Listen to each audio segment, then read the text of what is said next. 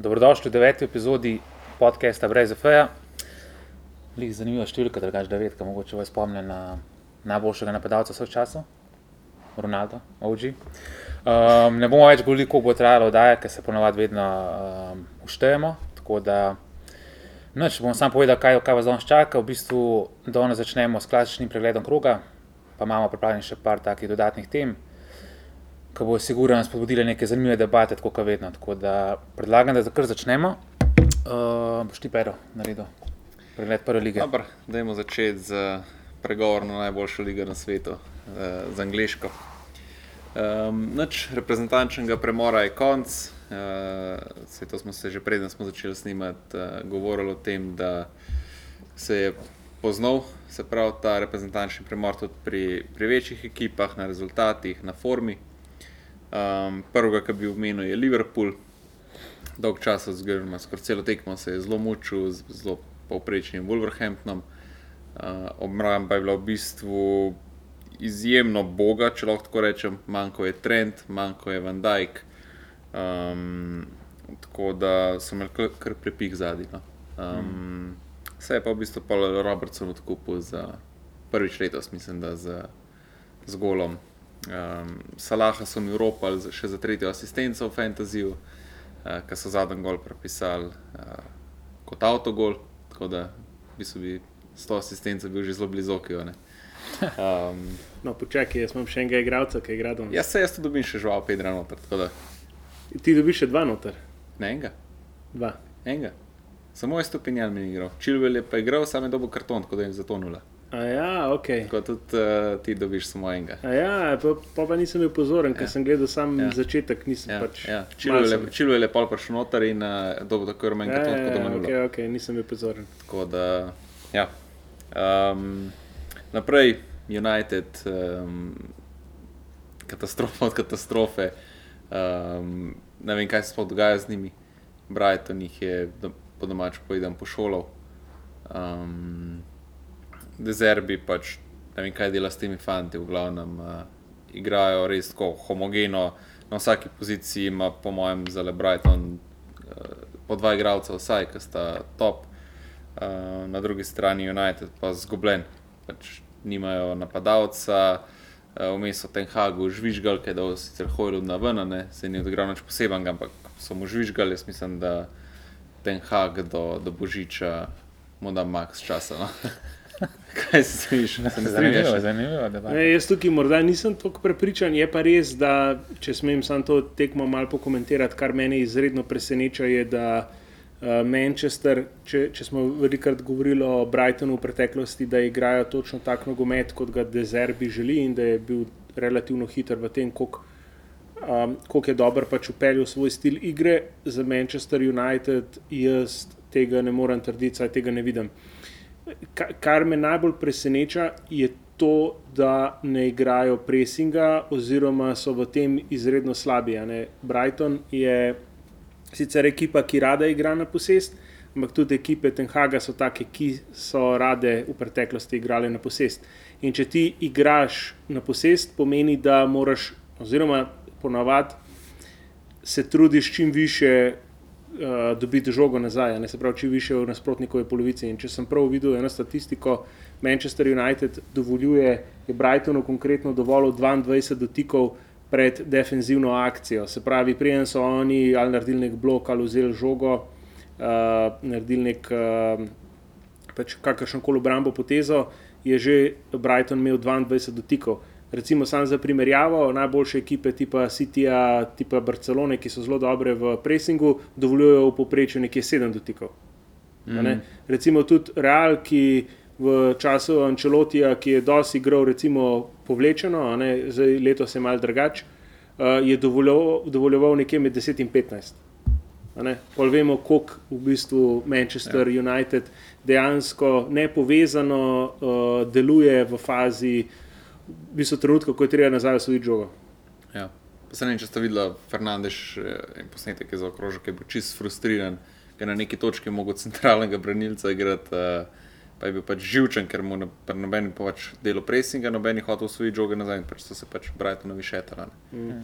Predvsem obramba je res ja. katastrofalna, ja. no. res je slaba. Ja.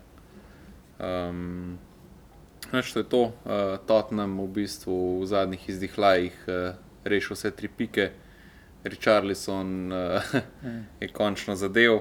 Um, po v bistvu tisti izpovedi, ki je zdaj namenil med uh, reprezentančnim premorom.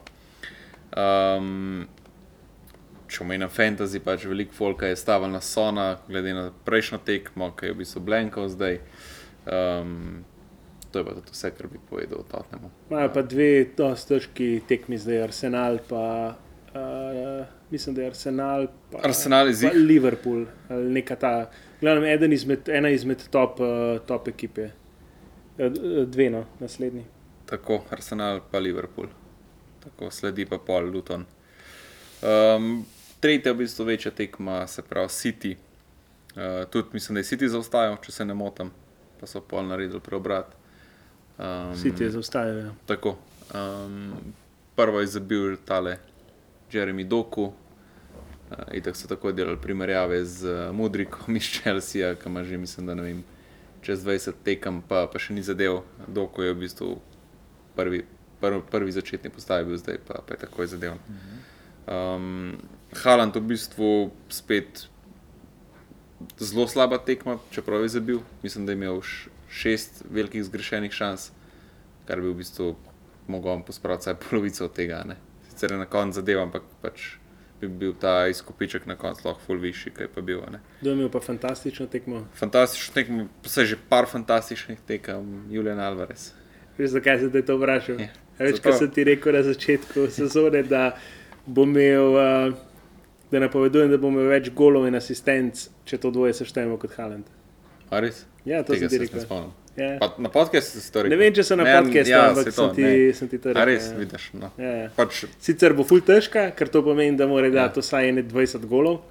Uh, ampak ima pa že precej asistenc. ima pa že precej asistencije. Uh, ne, se on je v vrhunski formi. Pa to zdaj, mislim, da smo se četrto epizodo pogovarjali, da bo Foden največ odnesel od te debrojneve poškodbe, ampak več kot očitno je to Alvarez. Mm. Um, oba s Fodenom zdaj skupaj igrata, Foden ima levo, ima desno, v bistvu na tej poziciji, ki je pa pač debrojne preigral, se pravi takoj za Haalandom je zdaj skozi Alvarez in več kot očitno to full funkcionira. Mm. Tako da me ne preseneča tudi, če pride debrojne nazaj.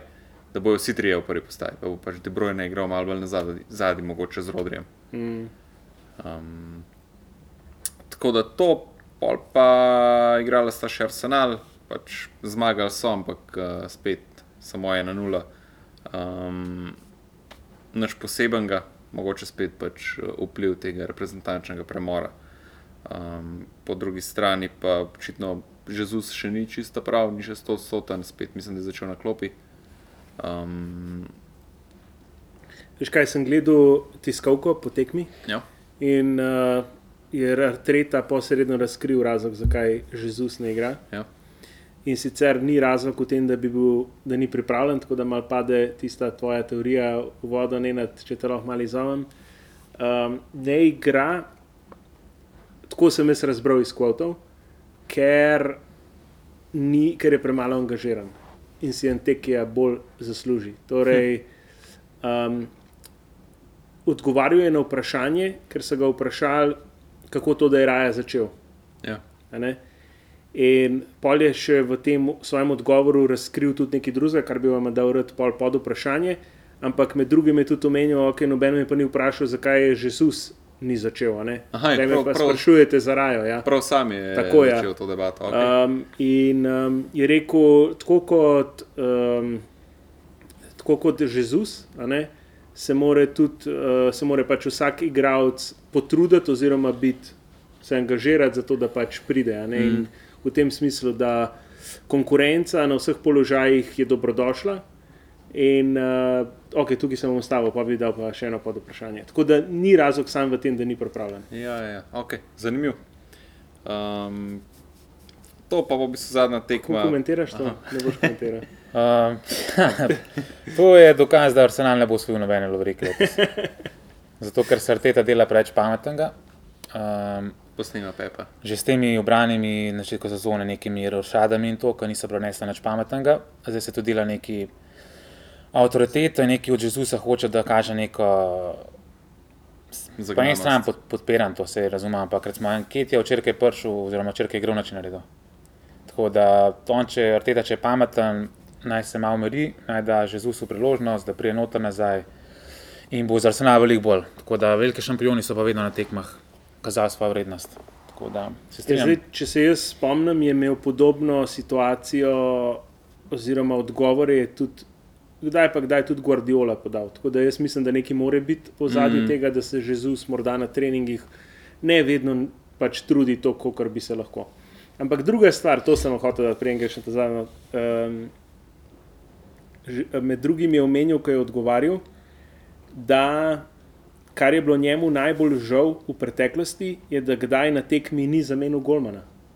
Se pravi, ker on meni, malo bom parafraziral, da zato, da začneš igrati sredi tekme, če želiš spremeniti nekoliko stil oziroma se prilagoditi, naprimer vodaš in bi rad bolj obrambno se postavil, da je včasih treba tudi Golmana zamenjati in da on ne bi rad igral 10 plus 1, ampak z vsemi 11. In je rekel, da včasih ni imel jajc tega narediti, da v prihodnje bo pa morda tudi med tekmo zamenil Golmana. In tukaj me to zanima, če je misel ta, da bo dejansko Arteta, Arteta to kdaj naredil in če bi se lahko vem, v naslednjih petih letih, desetih, whatever, zgodil, da bi dejansko to redno počeli uh, trenerji, se pravi, menjali golmane. Zakaj sam še to? Zakaj tudi to sprašujem? Ker so nekateri trenerji, potem ko so uvedli pet uh, menjav, ne, kot možih, kar je zelo dobrodošlo zaradi um, pač števila tekem, ki jih igrajo. Ampak Guardiola na začetku sezone, tudi Zidan, velikrat ni izkoristil, kljub temu, da jih je imel pet, sploh ni izkoristil niti ene menjave ali pa morda eno čist na koncu. Mm. In jim ta možnost, da imajo toliko menjav, lahko tudi omogoči, da dejansko golmane zamenjajo. Zdaj me zanima, res odvajajo, a mislite, da se bo to daj zgodilo? Pomembno, ko vidim, da, da še razmišljaš. Ne, ne, ne, ne. Ja, jaz mislim, da, da čist možno, pa če bo kdo to prvi naredil, so to ali Arteta ali pa Pep.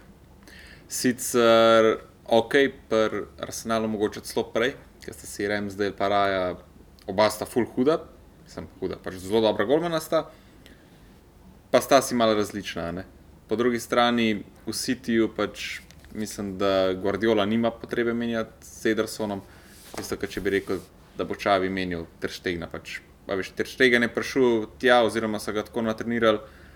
Ravno zato, da fita, da zna dobro um, z nogo igrati, kar se pač pričakuje, in to je to. Mislim, da bi pa ne vem, Čavi recimo rekel 70 minut, uf, ne, ne, preveč z nogo igraš, uh, bom dal enega drugega golmana, no od tega pa ne vidim, tudi čez pet ali pa čez deset let. Ne.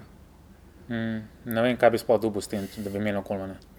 Ja, on je po mojem mislil, da recimo je Ramsdale, zdaj ne vem, a ne, ali je imel to v mislih, ampak bom hipotetično rekel. Recimo Ramsdale je boljši shotstopper. Se pravi, nekdo, ki mu boš streljal ne vem, znotraj kazenskega prostora in ima boljše reflekse in bo prej ustavil žogo. Medtem ko naprimer nek drug golman, naprimer Raja, je pa boljši v distribuciji, v boljši v igri z nogo. In ne ti, ko recimo rečemo, da imaš 2-0. a Ne, in ne potrebuješ več toliko distribucije, 20 minut je do konca, ti v bistvu rabiš, če bi slučajno uni ful pritiskal, da imaš nekoga ful dobrega shotstopperja. naprimer. To je misel s tem. Meni se to, mislim, to je moje mnenje, lahko da, imam pač, da se motim, ampak ni taka razlika zdaj. A veš, no, zdaj raja pa ne, ne znal je žoge, da ima mi zdaj, ki ima boljše reflekse. Razumem, kaj ti hočeš povedati, ampak tako jaz, če bi bil trener, ne vem, meni se zdijo to take mehne razlike, da zdaj rejem vodan dva nič, zdaj moram dati pa nekoga, ki ima boljše reflekse ali pa boljše shotstopper. Ne vidim, ne, ne, ne vidim, kaj bi dubo s tem. Ja, se, se, Ker so razlike res majhne, veš. Vse to, ful so majhne razlike, pa pač če vodiš, pol daš že prej notnega vizista, ki bo stopil na žogo.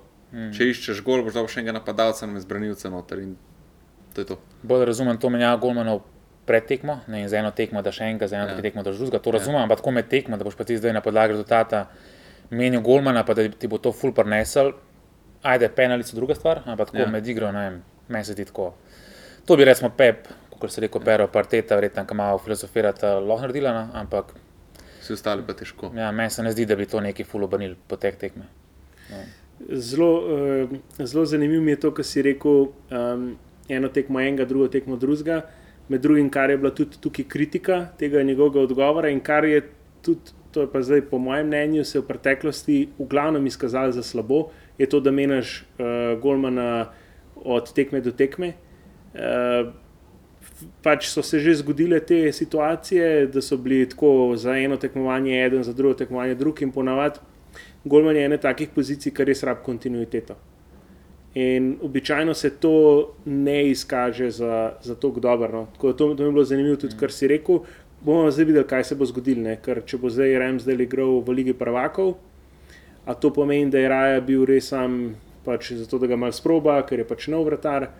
Uh, ali je tukaj kaj v zadju, da bo roteral, uh, ali zdaj oba hoče malo zmotivirati, pa da vidi, kdo bo pač tukaj mm -hmm. zmagal od njih.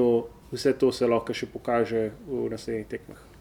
Možen, ja. Po drugi strani pa je, še vse je pa fajn, da imaš mogoče dva dobra golmana, kot si rekel, pa so pa neke rotacije, sploh če igraš ti na ne, treh, štirih frontah, koliko imajo angliži, štir, štiri tekmovanja naenkrat, če igraš posod. Ja, sicer se ligaški pa FA pokal se ne pokrivata toka, ne. Ponavadi se ligaški prej konča, ampak ja. Pač ti lahko pač nekje en bran, nekje druga, ne. Ja, ja. Še vse ne pač to tekam. Se mogoče ni tako naporno za golmane, kot za igralce v polju, ampak še vsem pač. Mogoče pa določil nek sistem, ki bo rekel, ne vem, Remsdel bo branil ligo, Raja bo branil ligo prvakov, pa pokala recimo. Ne. Mm. Ne vem, se to je pep, to je pep delo v Barceloni. Uh, nekdo je branil, nekdo je branil ligo, nekdo je branil ligo prvakov, pa pokal. Vem, ampak se pravi, ni se pa tako dobro izkazal, tudi v Barci, ne, zato to. je pol hitro prišel na Saj to. samo enega golmana, tudi Real je to delo. Uh, mislim, da z Diego Lopezom, pa Kasiljasom, pol je uh, Diego Lopez, uh, mislim, da prevzel, ali pa to v času Adana, zdaj se mal ne spomnim. Vem, da je Murinjo tudi takrat, ko je hotel mal face outat Mm. Kasiljasa, uh, tako da ja. Okay. Dobro, sej, zadnji tekmo bom hiter, sej, škoda zgubljati besed za Chelsea. Um, spet ne vem, kaj se tam dogaja, pač sej to govorimo vsak podcast, vsak pregled kroga, da v bistvu te nakupi, preden se uigrajo, bo trajalo. Ne? Mhm. Pa če se bodo sploh uigrali. ne. Um, po drugi strani pa ne vem, skozi bolj imam občutek, da početina sploh ne ve, kaj dela z njimi. Pa da sploh mogoče ne zna prepoznati od vsakega posameznika najboljše kvalitete, pa jih združiti v eno homogeno enoto, da to med sabo funkcionira. No. A Veš, tudi Nikolaš Džesk, ki sem, sem ga omenil na začetku sezone, on je fulobeto po prisiznu, zdaj pa zgrešena priložnost za zgrešeno priložnost. Ja. Ja, vse to je tudi problem teh mladih igralcev, ki redko kjer mladi igralec ima tako že, vem, toliko eh, na začetku kariere neke, neko sposobnost tako razvito, da ga lahko neka, nekam umestiš. Recimo, te vsi so full talenti, recimo Nikola Jackson, ima vse, posod kaže nek talent, ampak nima pa neke niše, za katero on, ne vem, bi bil on, recimo, kako ne rečem, ne znan, ampak uh, Vrhunski, da bi Vrhunski, pač tako kakor ima- silil, da bi bil. tako kot ima Haaland, najboljši. Uno, ne vem, pač. Glih to je eh, naloga, se mi zdi, početina, da on prepozna to njemu in mu prilagodi treninge, pa pol pozicijo. Ja, da bo- spet, da boš ti to prepoznal, pa da boš to ti iz njega ven prinesel, da bo on to delal na redni bazi, to so leta, lahko, mislim. Vem, vem, Leta ja, nekega ja. treninga, pa to. Ampak Tako da jaz mislim, da ne bom rekel, da bo čino vreten, okay, več ve, mislim, ve, kaj dela, sigurno več kamina, ampak um, nima lahke naloge, ker to, to, kar so naredili tem rečani, oziroma ta lastnik, Ja. to je tako recept, da, una, da zajebaš sezono še preden se začne. Pač, eh, na papirju to fula pozgleda, da ima vse neke mlade, to se bo igralo, to bo šival na vse strani, ampak ne, meni se to zdi, um, ja, kot smo napovedali, jaz mislim, da letos Chelsea ni šans, top 6 ni šans. tako je United verjeten. Zdaj so skupaj na vem, mislim, da pa 12 in 13 mesto. Točka razlike med njimi. Mislim, da United ima 6 pik, eh, Chelsea pa 5. Tako da po moje, Ja. ja. sam gledajo vsi na uro pri Chelsea, kdaj pridem konku. Chelsea ima, po moje, ta trenutek, zdaj govorim, ne govorim za celo sezono, malenkost manjše probleme kot United, ker Chelsea se mi zdi, se pravi, to, kar je Nenad omenil, so mladi igravci in pri njih se vidi, eno tekmo, ne vem, 3-0, vse se jim poklop, mm. hudi, a ne. Naslednjo tekmo se vidi neizkušeni, eh, ni- neuigrani, slabo. Medtem ko United vse, kar je do zdaj dobil, je dobil zelo na, tako je bilo, zelo na silo. ne. Mm. Torej, mislim, da ima United večji problem. ampak za sezono me pa po eni strani manj za United skrbi. Zato, ker mislim, da Ten Hag lahko to ekipo spravi do nekega nivoja, sploh če se Hojlund tu igra, pa da, Rashford, ni, da niso goli več od Rashforda odvisni, ker vemo, da ni zanesljiv gol skoraj, uh, razen pač izjema, tako kot je bilo lani, eh, ko se mu zgodijo neki prebliski. Uh, drugač pa, ja, imam manj, manj pomislekov. Uh, me pa mogoče prečejo druga stvar skrbi. Si, si re, ne, ti si rekel prej za tega, da ne bo zdržal do novega leta. Zdaj, Haga, ja. Mislim, se oba. Mislim, oba imata šanse, da odpadeta. Početino se mi zdi, da se že preveč pogovarja z novinarji. In to, to so ponavadi tudi zgodni znaki, da gre lahko vse v maloro. Ker zdaj ne vem, kakršen koli njegov kvot, neki vsak drug dan preberem, je neke vrste izgovor, zakaj ne igrajo dobro. Mm. Veš, ja, pa, pa mlade imam, ja, pa uno imam, kar je vse res. Ampak čim se mi zdi, da se začne početino tako pogovarjati preveč z novinarji, je to že tako mal, mal slab znak. Že malo išče ja. izgovore. Ker ten hak, eh, še vsem se mi zdi, da se to je tudi malo od karakterja, seveda, trenerja odvisno, ampak se mi zdi vsem se zdi, da ima bolj stvari pod kontrolo. Ma, ja. Sam ten hak ima pa po mojem težave tako na vseh treh linijah, se pravi napadu, ok, pa recimo, da se hojno to igra, ne? težave ima z desnim krilom. Pa, mogoče samo to, da se popravim, ja, siguren, ma, ne mislim pod kontrolo, da ima pod kontrolo še ekipo, ampak mm. tako prepričanje v to, kar, kaj dela, to hočem povedati. Medtem ja, ko početino tudi... se mi pa zdi, da morda še ni čisto prepričano to, kaj ni, dela. Ampak tudi ten hak, po mojem, stekme od tekmo, je skozi manj prepričan. Pač tudi, ne vem, lej, desno krilo, kot sem začel. Pač. Antoni, ekstra nezanesljiv, no. zdaj pač je še ta situacija. Sančo spet se tudi krega s tem hagom, nekaj obračunavata po medijih. Vse smo videli, ne vem, a ste videli posnetek Sančo, kako dela sklece med treningom, na tretjino gre dol, pa nazaj. Preverjamem, da je ten hagu uh, odnesel pokrovane. Pol, vezistov praktično z izjemo Fernandeša, ki dobro igra, nima. Pač tudi Kazemiro, ful slabša sezona, Kalanska, Eriksen, pač ne, sej, razumeš, ne more. Maktomi ne bi bil na izhodnih vratih, zdaj malo štuka, zato ker drugega ni. Zadnji je tako razpad sistema, Varan se je poškodoval, tam dalo vam bi saka toplo hladno, šel se je poškodoval, regulion, ne vem, a pa še čisto ta sistem. Pomoč pa začne na štoperju, Lisandra, spet toplo hladno, lahko ima vrhunsko tekmo, lahko je pa katastrofa, da o Maguireu ne govorimo. Ne. Tako da mislim, da pač se je ona naja so prepeljali, ampak malo se mi kar smilno. Mislim, da od desetih strelov, da sem videl statistiko, ki jih je, ki jih je, ki so jih pač nasprotniki ustrelili pred njemu, je sedem golov popivane. Ja, mislim, Brighton je imel tudi, pač praktično so streljali samo on je bil. A veš, noben brnilc ni bil, ki bi se, vsaj malo zakrivil pogled ali karkoli. Ja. Basically, strel skoraj z 11 ja. metrov, da ne rečem, da je tam mogoče 13-14 metrov je bilo. In, In ja. gros, in ne vem, kdo je še bolj pozorn. Ja, ja. Žal Pedro, ja, žal tega Pedro, tretjega, ja. pa pač Welbeck. Ja. Tako da jaz mislim, da ne eni, ne drugi, spravo ne Chelsea, ne United letos. Če bojo med top 10, so po mojem lahko zadovoljni s sezono. No. Uh, še to sem hotel dodati. Ja. Um, sem pač United, imaš vse več front odprtih in zaradi tega že mogoče, da lahko ten hak zelo hitro odpade. Veš, predstavljaj si, ne pač še naredijo v Champions League, um, v prvenstvu in gre slab, pa pa pač tista dva pokala, ki sta v Angliji. Ka, pa ne, da nista nič vredna, ampak primerjavi s tem dvema lovorikama nista nič vredna. Uh, Chelsea ima pa dejansko zaigrati samo v Angliji in pač ima mogoče se jim lažje spregleda, tudi kakšna zgubljena pika, pa mladi igralci. Medtem ko je najti, kaj se jim bo spregledalo. Ja, se vem, kaj si hotel povedati, ampak FA Cup angliži kar cenijo. To je najstarejše klubsko tekmovanje na svetu, tako da oni pa fuldajo na tradicijo. FA Cup cenijo, eh, ligaški pokal pa ne in tudi ponavadi začnejo uh, z rezervnimi ekipami, sploh te boljše ekipe. Mm. Ok, no. to je to, kar se tiče. Nič bi ne, če kdo.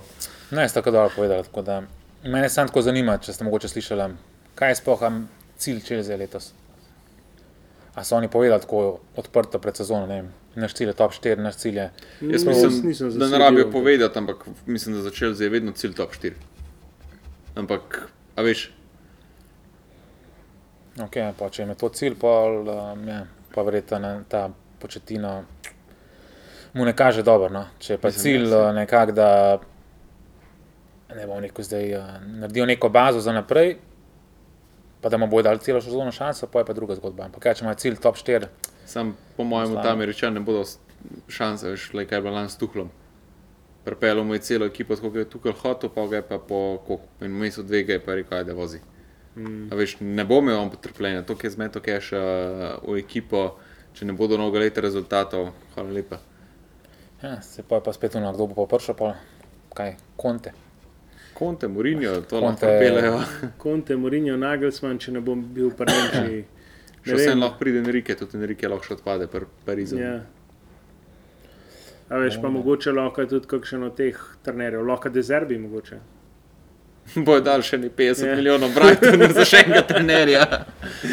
A A veš, veš, mogoče kdo izmed teh ekip, ki, so bile, ki jim gre zdaj dobro, pa so bile, se tudi Potter je v bistvu tako prišel. Čez, Ja, saj. Ampak jaz mislim, da Dezerbi ne bo, mislim, da odpade. Dezerbi mi je tako že ponudil tudi za Saudsko, zdaj pa sem mu full cache pa tako ponudil, pa je rekel, da ne. a ne. Tako da mislim pa sej, realno, zakaj bi šel iz trenutno eh, kluba, ki funkcionira, ekipo imaš tako, kot si si jo hotel, si igrati, kot ti hočeš, v en razsud Chelsea. In sem nekaj je cache, ampak še vsem, pač, to bi pa ja. tudi za Saudsko. Mislim, Razumem, razumem. Samo zato. To je bil vsak tako razmišljen, normalen. Ampak pismo sem, če je izziv, a veš kaj mislim. Brighton je Brighton, ja, je, samo veš, Pa, pa ne samo, da je izziv, veš kaj je to doskar. Bojiš se, da ne boš dobil naslednje priložnosti. Ja. A veš, ker eh, doskar tudi igralci tako razmišljajo, morda vejo, da je prek mal, da grejo v nek velik klub, rečemo, ne vem, da bi hotel iti, kaj vem, iz uh, Aston Ville v recimo Manchester City. a Ne, ampak se bojijo, da ne bo naslednje priložnosti in zato se odločijo. Ne? Ja, pa Dezerbi, če bi šel, ne rečem, da bo šel, on bi imel zdaj idealne pozicije za pogajanje. On bi lahko svoje pogoje do konca vnočil, veš, ja, hočem to, pa to, pa to, če ne me ne zanima. In če jaz bi mu verjetno vse to dal, kar je tako res, až to ni navaden tako prestop, recimo, da ga če zdaj hoče tako, da je že, če je že uspešen, pa da hoče Dezerbi vzeti, pač ne, vem, da zamenja trenera, karkoli, tukaj bi Dezerbi imel full odprte roke, tako da bi res naredil vse ekipo, če bi mu dal čas. ampak ja, veš, se je tudi početina imel. ja, a veš- se, se strinjam. Ja. Pa pa to trening zahteval bi Dezerbi postavil, pa bi tudi prejšel z druge strani, rekel, "Glej, vse smo ti dali, kje so rezultati. No, vse le bomo videli še enih pet tekem, Ja. ja. kam se bo zadeva razvijala. Um, gremo na Špansko. Dajmo. Španska liga um, ta teden na papirju morda postregla s parimi derbi ali pa mini derbi, čeprav potem, ko so se zadeve razvile na igrišču, smo videli, da so to bili vse prej kot uh, zaresni derbi. Mogoče bi omenil Atletik Kadiz, Atletik je zmagal 3-0. Zakaj omenjam tri zmage? ena neodločena in poraz, kar jih uvršča trenutno med top 4. Uh, tako da se mi zdi, da Valverde tam plete dobro zgodbo, predvsem zato, ker so tudi imeli težke, izmed teh petih tekem so imeli Osasuno, Sosedat pa Real Madrid, to so vse ekipe, ki v Sasuno so, so igrali v, v gosteh.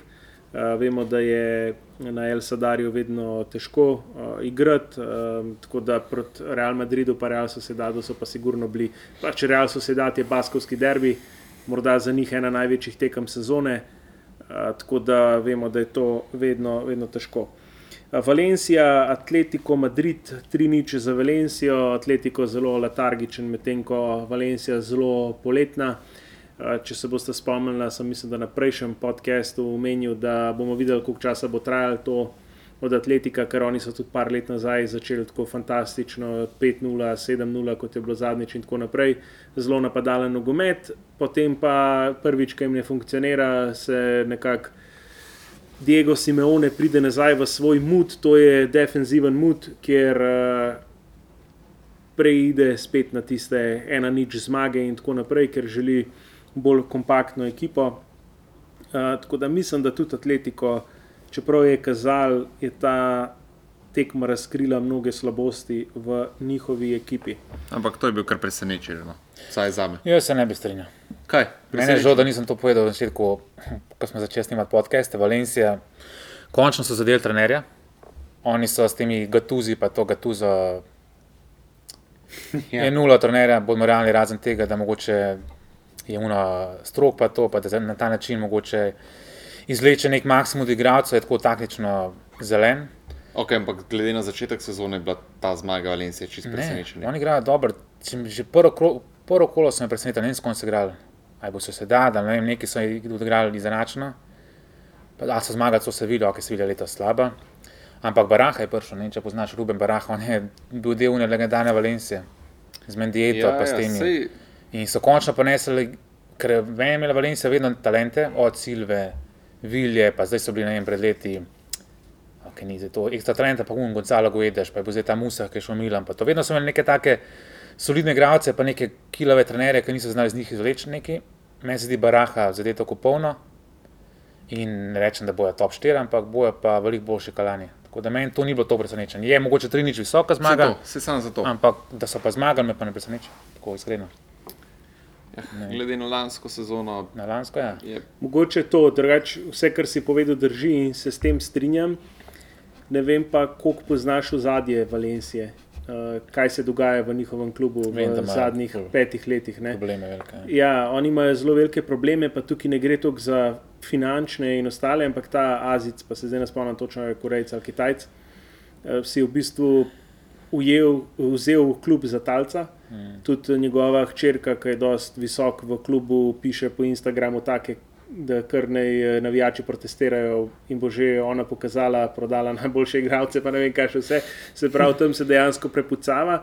In mislim, da problem Valencije ni toliko v tem, da ne bi imeli dobre ekipe, ali pa v preteklih letih, da ne bi imeli dobre ekipe, ampak predvsem ta neurejenost v, ja. v, v klubu. In to se je zelo dobro pokazalo, ker Valencija je vedno odigrala dobre tekme. Na velikih tekmah, tudi v zadnjih petih letih, ker so igralci motivirani, ker igrajo res zato, da se dokažejo proti Atletiku, proti Barci, proti Realu.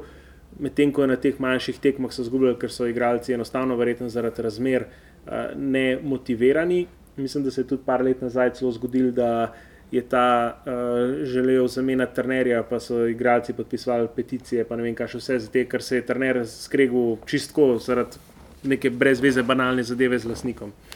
Uh, in to je, to je pa tisto, recimo, kar je pa meni zelo všeč, kako sta organizirana Atletik Bilbao, Barca in pa Real Madrid, ker ena oseba ne more priti v tak položaj, da dejansko vzame klub, klub za talca. Mm. In sej, ne na zadnje, tudi Manchester United ima deloma ta problem. Ne, ja.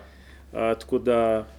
Tako da, ja, tako kar ima svoje ful velike prednosti, ki lahko prenesejo ful velik denarja, je pa to po drugi strani slabost tega uh, zasebnega lasništva v, v klubih. Uh, tako da sej, ne na zadnje, isto pa Interju, ne, zdaj, če bi.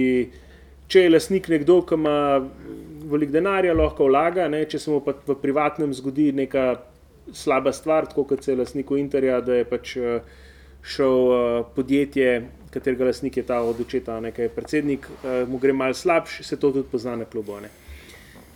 Si hočeš še kaj komentirati? Ne?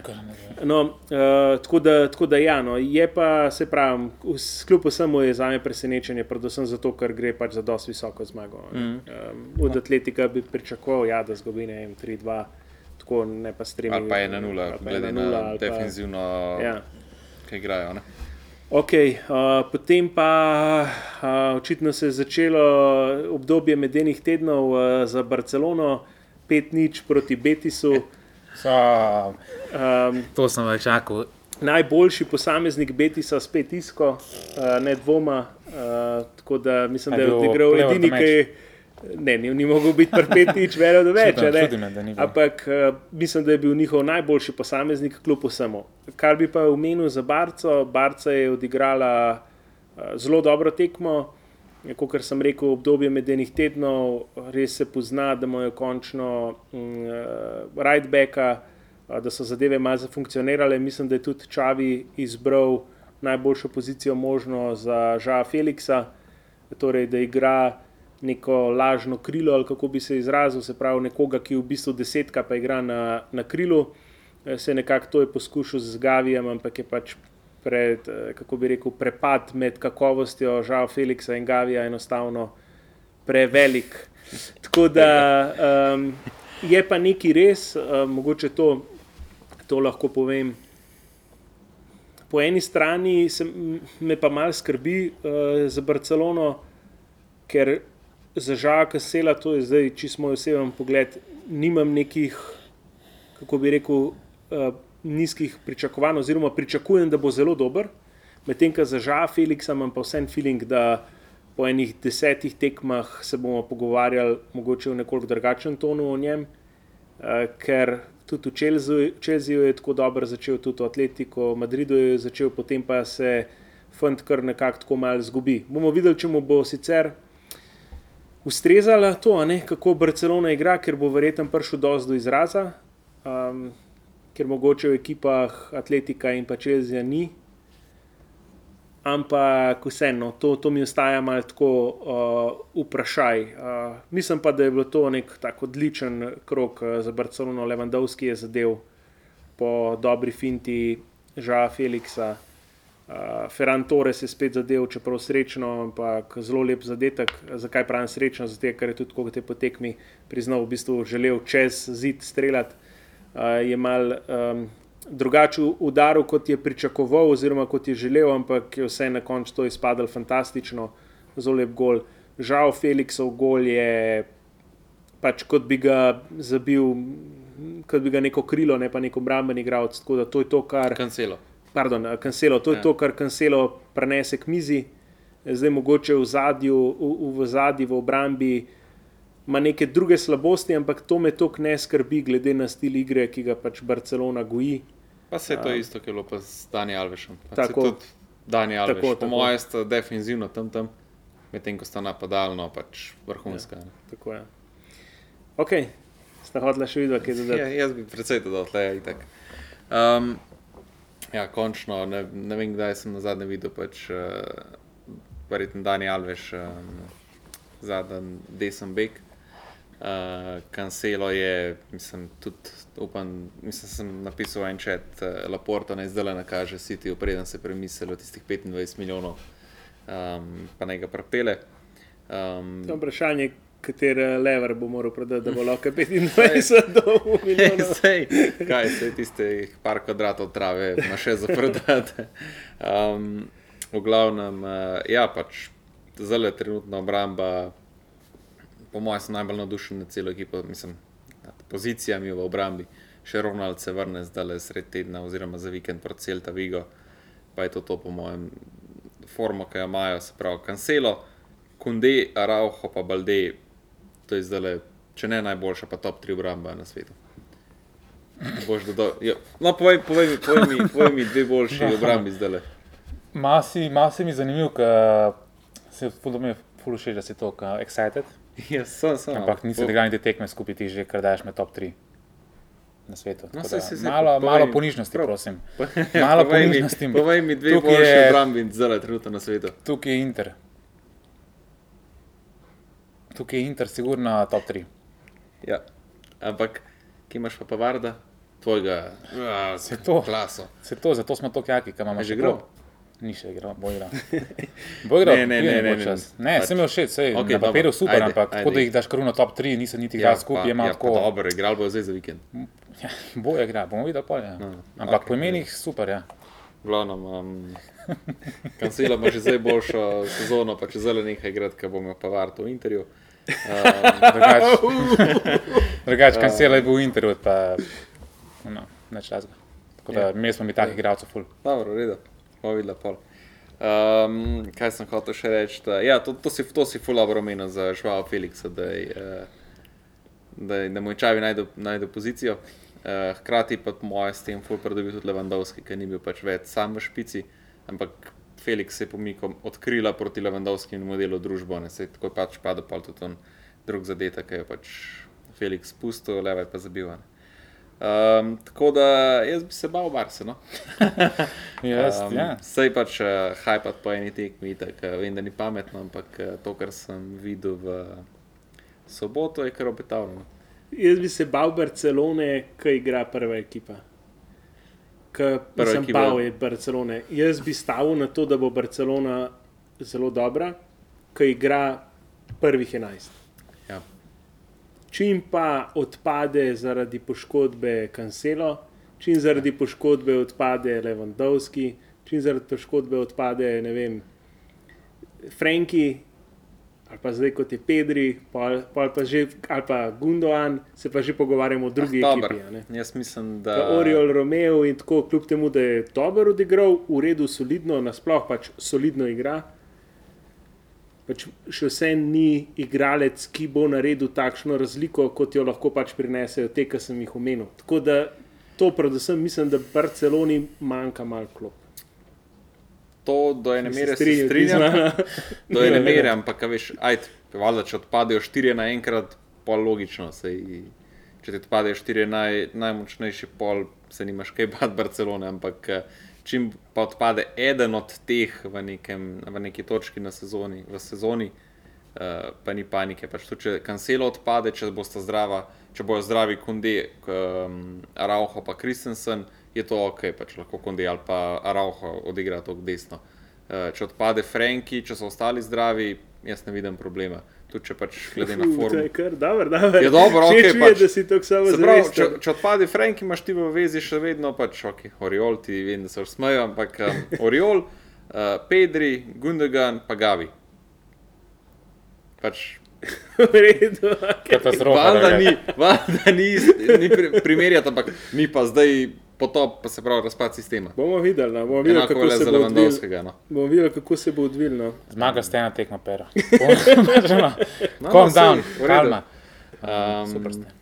Ja, isko je pa pač, uh, jaz ga nisem videl. Ne vem, Zdaj malo potonil v tej tekmi. Mislim, sej, Samo cel vsi so potonili, se je bil razpad potonil, ja. sistema, pa še dobili so tretji, pa četrt gol, so dobili enega za drugim. a ne. Tako da normalno, ampak pač ampak tisto, kar je tudi- odigral, je pač kokar lahko, medtem ko nasprotnik zmaguje 5-0. Če bi rekel eno svetlo točko, mi je pokazal biti za, bi rekel, isko. Tako. Uh, ja, mogoče res je. Mogoče so pa pustili pet golov, ker bi tako cela obla- obrambna linija bivša Barcelona. Ne. Pa se rekel, da je vozi to noč. To je res, ja. Možno pa tudi tudi v napadu, ab, da je glihkar iz Barca prišel s treninga, se je pripeljal na tekmo s Barci. Ja, pa dobro, vse on je prišel sklopiti. Ma vem, ampak tudi tisto, kar je pokazal, vsem, če oni je, so mi je začeli pa zanimivo, mi je pa z zanimivo zakaj ni začel Borja Iglesias. Ne? Ja, lej. To so spet une, ki sem ti rekel, da pač to pred uh, tekmo vidijo, da to bo, to bo poraz, da ima drugo ekipo noter. To so klasični podbarci. Ja. Ja. Okay. si hočeš kaj zvrti? Uh, ne, ne. Pol pa smo na Real Madrid, Real Sociedad, uh, pred zadnja tekma tega kola, danes bo še odigrana uh, Girona, ki sem jo uh, prehvalil v prejšnjih epizodah, tako da bomo videli, kako bo danes odigrala. Real Madrid, Real Sociedad, ja, pač zaskrbljujoče, že tako na začetku, to je mislim, da že druga ali tretja tekma, da je uh, Madrid dobil gol v prvih desetih minutah. Torej, full zaspano začnejo. Uh, in žal proti ekipam tipa Real Sociedad, ki ima v napadu morda enega najbolj vročih igralcev v španski ligi ta trenutek, to je Kubo. Uh, bi rekel, bi siguren top 5 igralcev ta trenutek v španski ligi. Mm, je, to, je to izredno težko. No. Tako da so rabili kar nekih 20 minut, da so se sestavili v obrambi, pa tudi v napadu, da jim je začel funkcionirati. Kar me je tudi deloma zaskrbel v teh prvih 20 minutah ali pa v prvem polčasu, je tudi izredno nefunkcionalna sredina. Torej, sredina eh, ni funkcionirala, eh, začeli so čuveni Kros in pa Valverde. Tako malo zanimivo postavitev je na tej tekmi imel Ančeloti, igral je z uh, Carvahalom kot nekim inverted um, right backom oziroma right wing backom, se pravi, predvsej je šel proti sredini. Ne, uh, je igral tako, kot je recimo Guardiola uh, Lama uporabljal uh, na, v Bayernu, medtem ko je Valverde seveda pa moral za njim pokrivati desni bok, kar je Valverde silil v to, da je igral precej bolj obrambno, kot je kot on v resnici, po mojem pogledu, more igrati. Se pravi, Uh, more biti nekoliko vsem bolj spredi in rab tudi nekoliko več prostora. Valverde je tipičen igralec, ki rabi prostor, ker lahko razvije svojo hitrost, ker lahko v bistvu igralca vrže iz igre um, čist z nekimi fizičnimi predispozicijami, ki jih ima. To je ful čuden, zakaj mislim, se čist strinjam, sem čuden mi je, zakaj bi porival Kar- Karvahala naprej, ker itak je v, v zatonu, no, pač, če lahko temu tako rečem. Uh, pa da bo zadnji pokrival Valverde, ki vemo vsi, da je Valve- Valverde vrhunski naprej. Pač naj se drži Karvahal pač desno, desnega boka, Valverde ne pa vletava naprej. A veš kaj, Karvahal je drugač, igra fantastično. Za svoje, igra, razmere. igra, ampak- Letos ima tudi uh, gluten-free dieto, je šel. res. Ja, res. vidi, da no čudo, da je pol tako dobro Ja, igra. gluten-free dieto je šel. Uh, pač, se ne reče, da ima to kakšen vpliv, ampak Karvahal je ful slabo igral, kadar je imel dve tekmi v, v istem tednu. Zdaj pa presenetljivo, kljub temu, da je za špansko reprezentanco igral in igral tudi, mislim, da celo tekmo, uh, je, ni bil videti utrujen, kljub svojim letom. In ne gre se za to, da ga pošilja naprej, ne, ker sistemu, ki ga igra Ančeloti, se pravi, to je romba, ne, ti rabiš ful veliko podporo bokov oziroma bočnih branilcev. Ampak zanimivo je bilo to, ne, da po, dejansko po krilu, kjer pričakuješ, da bo bočen eh, obramben igral, je v bistvu bolj igral Valverde, medtem ko je Karavahal se pomikal v notranjost in je velikrat delal, kot se zdi prej izrazil, družba v bistvu hoselujo in je bil praktično na pol napadalca. Ne. Uh, tako da je prišel tudi do parih strelov. Mm. Je res, da na parih tekmah lani, ko so igrali drug sistem 4-3-3, ker so imeli krila, je tudi to delo, ampak je delo zato, da se je umikal Rodrigu uh, in komorkoli je pač igral Ja, ja, že ja. na desnem krilu. Ne, je tudi to delo in je bilo to, doskrat je to presenetilo. Uh, mislim, da tudi na tekmi proti Barci, ki je bilo 4-0, da je raven tudi to um, bila ena izmed uh, taktik. Nisem namenoma, ampak pač Ja, spomnim redu. se. Uh, tako da to uh, in ta del me je malce zaskrbel, tisto, kar se mi pa pač še vedno uh, vleče, je pa to, da ni- niso, niso tako učinkoviti. No. Uh, enostavno, Rodrigo, upam samo, da ne bomo čez eh, kakšno leto ugotovili, da Rodrigo ni tak igralec, kot smo vsi od njega pričakovali, da je. Mm. Ker pač od Rodriga, če letos Rodrigo ne bo zabil, bo Real imel zelo velike težave. No. Uh, pa to mogoče še omejem Frank Garcia, kljub temu, da ga je v prvih 20 minutah Kubo vrtel, pa model ima tak, tak strel močen, prav top. Kubo, Ja, dober je. Ja. da uh, se je pol odkupil z dvema asistencama. Tako da, Ampak on je kar slabo začel sezono. do Frank Garcia. Ja, vse sem ga omenil, ampak se mi zdi, da vse je za tekme tekmo nekoliko boljši. No.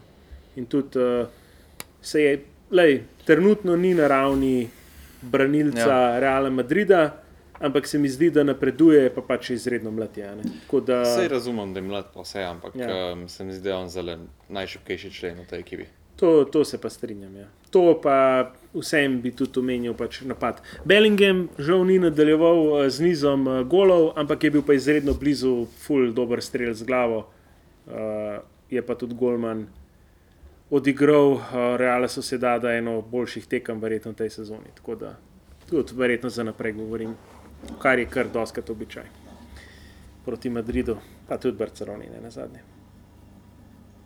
Okay. Ajde, še dopolnil? Bo še kaj dopolnil, realno? Uh, ne, pa se, se je dobro povedal. Pač, um, po mojem, da mogoče samo to. No. Če, če tako, kot si rekel, če boste čez en leto ugotovili, da Rodrigo ni tak, ki bi mogel biti, evo ti kubata. Bi lahko Barca. Kdo? Rodrigo. Rodrigo bi v Ah. Barca sedel. Ne, no, nehaj. Zakaj ne? Mislim, Kubo, Kubo bi bil uh, siguren zanimiv, a ne, in se to je bilo pred sezono, ne, Kubo ali Brahim Diaz, odločili so se za Brahima. Brahim je bil podajalec Bellinghamu za to glavo, ki sem govoril. Brahim in Bellingham sta tudi nek, kar uh, dobro se razumeta, kar se je tudi takoj videl po tej potezi, tako je neki Brahim do njega hotel. Zdaj ne vem, ali je to, je to baluno, ker si zdaj hoče biti bestič z njim. Um, Ta je to Brahim je proč? ful, tak, eh, res gadan človek. Ampak, Brahim eh, Diaz, ja. Ampak ja. Okay, uh, pejmo na, pejmo na Kalčo. ja, derbi Madonina. Bom to pustil za na konec. No, daj. Ker, Ajde. Hega. bom začel Pa pa on meni ne se hajpat po eni s klasičnim, s klasičnim Napolijem, tako kot sem rekel na začetku sezone, s poletjem in fulmanka.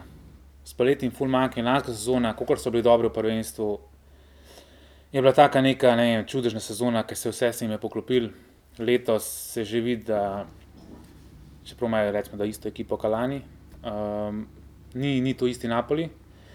Nima istega zaupanja, niso tako konkretni, oziroma um, ne zaključujejo tekem v svojo korist tako lahko, kot so jih lani. Tako da 2-2 z Ženo je kar, um, kar kiks in zdaj imajo po dveh tekmah, po štirih tekmah že dva remija. So že minus 4 za prvim mestom, tako da se je sezona še dolga, ampak ja, Napoli letos, um, po moje, težko, težko bo ponovili oziroma obranili naslov. Misliš, da je tudi mogoče teža skodeta, ki ga nosijo na drevesu, da je prevelika? Ne vem, zdaj meni se zdi tako, vsaj tako, kot sem spremljal medije v Italiji, noben ni dal Napoli tako, so jih dalo v vrh, oziroma med top 3, recimo, ampak noben od Napoli ne pričakuje, da bojo obranili naslov. Vsaj jaz nisem dobil tazga feelinga, potem kar sem jaz bral. Uh, več se omenja, pa ne zato, zato ker sem jaz za Inter, ampak Inter, skoraj vsi so ti, um, recimo, market eksperti, Recimo rekli, jaz, to ti, ki se tam skopiral od mene. Um, sem ja, prvi pred tabo rekel. Ja, ja, Tako da zaradi tega ja, Napoli mogoče tudi ta nek pritisk, ki ga mogoče oni čutijo, ampak da bi pa iz okolice pr- prihajal na njih ta pritisk, jaz ne čutim. Uh, ampak ja, ne bom se delal pan, da ga mogoče ima tudi tukaj veze. Ej, še a, to, to me samo še zanima. To pa A, itak. Di Lo- Di Lorenzo je dober pik za, za fantasy ali ni? Kaj za Ligo prvakov? Ja. Iskreno moram si pogledati, če ekipe pa to. Pa malo sem dejansko. Pač ja, ja. lani je bil eden najboljših branilcev, ki je največ pikov. kom igra prinesel Napoli prvo tekmo, igra z Realom prvo. Ne. Ne, ne, ne. Uh, Union Berlin igra, Real, torej igra uh, Napoli Ja, ja, proti Bragvi. Okay, Jaz sem. Praga. Moja intuicija, kot veste, vsi, da je že nerealno natančna. Res je.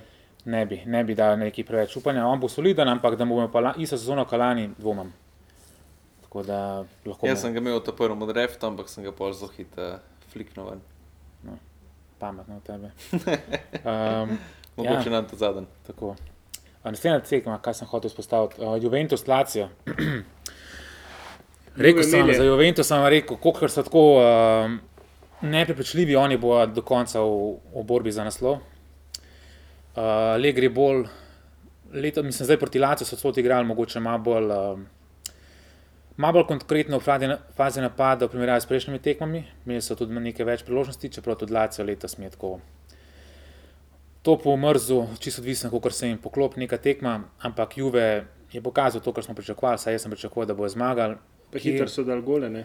Vlahovič, kot so ga hoteli prodati, so hoteli vzeti uh, Lukakuja, še dobro, da ga niso prodali, ker se dejansko malo um, se dviga, ki je za se vrnil lani, imel slabo sezono, tudi neke poškodbe in to. Tako da Juventus letos pričakujte, ga, da bo nevaren do konca, sploh brez lige prvako, brez Evrope, bojo dejansko imeli eno tekmo na teden in bojo, bojo trdore za vse. Um, A pa misliš, da jih lahko ta situacija s Pogbajem še karkoli kaznuje? ne, ne. Mislim, kaj, lahko, kaj, da jih dejansko kasnuje, kaj liga. Oziroma. To ne vem, jaz mislim tako, da je, če bo to vplivalo na njih. Mislim, sej, vem, misliš, da je mogoče lahko še kdo, ki bi posegel po dopingu ali pa, ali pa to pač, ja, da jih kaznujejo z nekim odzemom pik. Drugače vejo, kaj je v zadnje. Ja. Ne vem, če sta to zasledila. Uh, drugače uh, Juventus zelo močno raziskuje možnost, da prekine pogodbo. In v bistvu so. S Pogbajem. Ja, in so raziskovali, če je to možno, zato ker pač ni, to se ni zgodilo, dve zadevi sta. On je vzel dodatek, prehranski dodatek brez vednosti kluba, kar v skladu ponovadi profesionalni, seveda, nogometaši ne smejo teh stvari na lastno roko početi, se pravi, mora biti vse pod kontrolo kluba in to jim daje možnost, da lahko prekinejo pogodbo. On je pa vzel prehranski dodatek, ki mu ga je predlagal nek friend ali znanec iz Amerike, ker je to bilo očitno dovoljeno in je bil v tem prehranskem dodatku uh, testosteron noter. Tako da tudi Pogba naj ne bi vedel, ne, kokar, tako pač saj pravi, zato ker je tudi šel njegov agent, je tudi takoj zanikal, da ni. In pa je agent v bistvu rekel, da naj bi to pršel od eh, nekega prehranskega dodatka, ki mu ga je priporočil nek strokovnjak, friend, ki pa ga ni upozoril na to. Ja. Ok, ampak to Pogbaju, pač, a veš. Ne bo pomagal, je rekel. Ja, bo- friend mi je rekel. Ne, to je itak, pač šel bo v Saudsko. ne. Ja. Prekinil pogodbo, pa šel Ja. v Saudsko. Tukaj so Ampak- kar pa je. itak mu grozi nek ben. A je to samo za italijansko ali nasplošno? Nisem A veš, to ker pa če, ne če je to nasplošno, omenja se štiri leta, ne? Konc sezone. Mislim, ne konc sezone, Kariere. konc karijere. Ja. Ja. Tako da, če je to res štiri leta za, za vse tekmovanja, pol je to, to po mojem. To je zanimiva debata, drugače te uh, nedovoljene substance. Pa to, ker če on vzel res nek uh, suplement, ki ima neke sledi testosterona noter, jaz mislim, da od tega nima nobenih nekih uh, prednosti pred ostalimi. A še kaj ni on Ne, pa vzel saj ni imel, saj testosteron? ni imel, sam pač, um, a veš, pravila so, Se strinjam, se strinjam. antidoping. Pa mislim, da not ni sledi, dejansko je to vseboval testosteron. Ampak odvisno, kakšne količine. No, no, vem, vem, vem, Verjetno ne zdaj uno, to ne da vem, bi se saj čisti itak ni- testosterona, ne, ampak Ni um, profitiral ful zaradi tega na, na se strinjam. Pa verjetno je tudi vzdržljivosti ali čemorkoli, ampak Čeprav veš, tudi to, to je tako. Ne? Po moje so nijanse pri profesionalnih športnikih uh, bolj pomembne, kot pri nas, posam, uh, pri nas navadnih, da moramo reči, smrtnikih ali pa tako. Uh, ker včasih je ful mal potrebno, da ti narediš preskok. In recimo, ne vem, koliko koliko to veste, ali pa se da raziskovala Arsenal, ko je prsu- prišel Wenger. Ne, takrat oni niso spremljali prehrane nogometašev, niso in on je med drugim upeljal keratin, se mi zdi, pa ali kreatin. sorry, kreatin, kreatin, pa še eno substanco, dovoljeno, ne, ki so jo nogometaši jemali, in boj, da ne bi se jim to ful poznali na zmanjšanju utrujenosti in tako naprej. Sploh ta razlika je bila ful očitna, zato ker pač drugi, druga moštva tega še niso počela. Mm. To je, se strinjam, ampak če, če pogledaš, spet jaz sem lajk, ne me zdaj za besedo vleč. Testosteron ni substanca, ki bi ti dala vzdržljivost, niti, to je bolj, kot jaz razumem, lajično, spravo čista mater. Testosteron ti da bolj uno, agresivnost, bolj, bolj to ti da, se pravi, za recimo, vzdržljivost, da daš neke druge substance, recimo raznih hormonij za proti poškodbam, da se hitreje zacelaš pa to. Tako da testosteron, ne vem, razen tega, mogoče, mogoče li zaradi teh poškodb, pa tega, kaj je imel, mogoče bi v glavi tako. Um, recimo, da ima šibek. In da je verjetno mogoče zaradi tega vzel, ker kot jaz razumem, testosteron je bolj tako, da ti da energijo, da ti da uno agresivnost, tako da ne vidim, kaj bi on. že, ampak ja. pa je ti tako sploh ne vedel, da gre za testosteron. Tako da. Tudi to, dolžkrat so ti uh, suplementi, ne, ti lahko vzameš vej proteine, pa so lahko um, nekako tainted, oziroma ima neke sledi. Ja, no, sej. In to je Druga dovolj stvar- za padec na doping. Tako, druga stvar je pa, jaz temu Juventusu ne bi več verjel. To je klub, Tudi to je res. Pa ne zato, ker sem jaz za Inter, ampak to je klub, ki čez zgodovino so imeli skozi neke, oni so bili prvi primer dopinga v Italiji, to je bilo ne vem, 70-80 leta, varianta. So jih takrat dobili, da so dopingirali igralce, potem ne vem, bil je Kalčopoli, pa je bil uh, zdaj le s temi mi, um, finančnimi, Finančnimi da se jim vzemali pike, pa to. Juventus je tak, um, ta klub, zelo tak. Uh, Muten, kako se reče, muten. po Prljav. Prljav, umazan klub. Na robu zakona. Tako da tudi to oni, jaz se ne bi čutil, da oni zelo hoče potunkati. Uh, Pogbaja bolj da en uh, je grešni kozov, ker pa da se dejansko izkaže, da je bil dejansko Cele. klub za tem. Ampak ja, Ja. to so neke moje domneve. Ampak ja, Juve bo nevaren do konca dolge sezone, še bomo videli, ampak boje, boje nevarni, siguren. Roma Empoli, sam to sedem nič, sam zaradi tega bi omenil drugače tekma. Tako. Nič posebenega, velika zmaga Rome, prva zmaga v sezoni, štiri pike imajo zdaj po štirih tekmah. Um, ne bi delal hajpa okoli tega, čeprav je do Lokako gol, do Edibala se vrnil do gol. Ampak Empoli je po prvih štirih tekmah brez točke, se pravi, vse so izgubili do zdaj, tako da to ni nek pokazatelj. Mm. Je pa mogoče za Romo neka, neka spodbuda za njih za naprej. Siguren se bo dvignil, ne bo je tako zadnji, kot so bili v začetku sezone, ampak uh, ja, ne bom pa zdaj ne, neki delo hajpa okoli tega. Pa tekma kroga, tekma mogoče vikenda, če gledamo celo Evropo, mogoče celo. Um, Inter Milan, derbi dela Madonina. Inter, bom rekel, je pokazal, pokazal je tukaj nivo, da so tukaj nivoji, kar se tiče futbola. Nekako imam feeling, da smo zelo, tako bom najprej začel. Inter je igral to, kar je rabo. Začeli smo nekako bolj podjetno, da smo hiter gol, drugi gol, zatem pa smo se nekako uh, nazaj potegnili, kar niti ni uno nekaj presenetljivega, mi dejansko igramo letos jaz sem že na začetku sezone rekel, Inter igra letos ne, ne, nimamo več toliko presinga na zadnjo linijo, dejansko puščamo nasprotnika, da ima žogo, ampak oni se podajajo v zadnji liniji.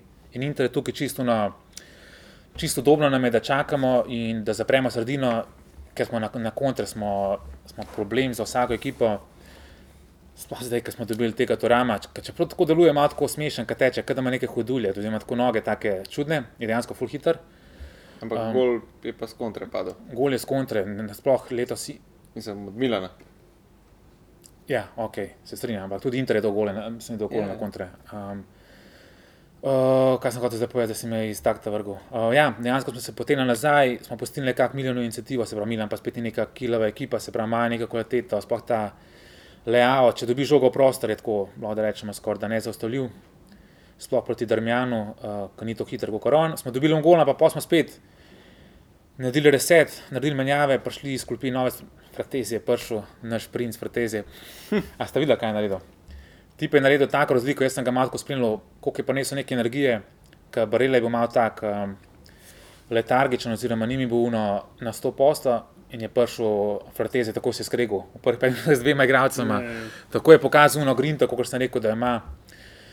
Plus, ful se je pogovarjal s sodnikom. Ful se ja. pogovarjam, ampak to je una želja, to sem rekel, Ja, ja. ima to v sebi, njega, ki postiš, to je kot uno, ki postiš psa z uh, verige. Tak uh, sevski gavi.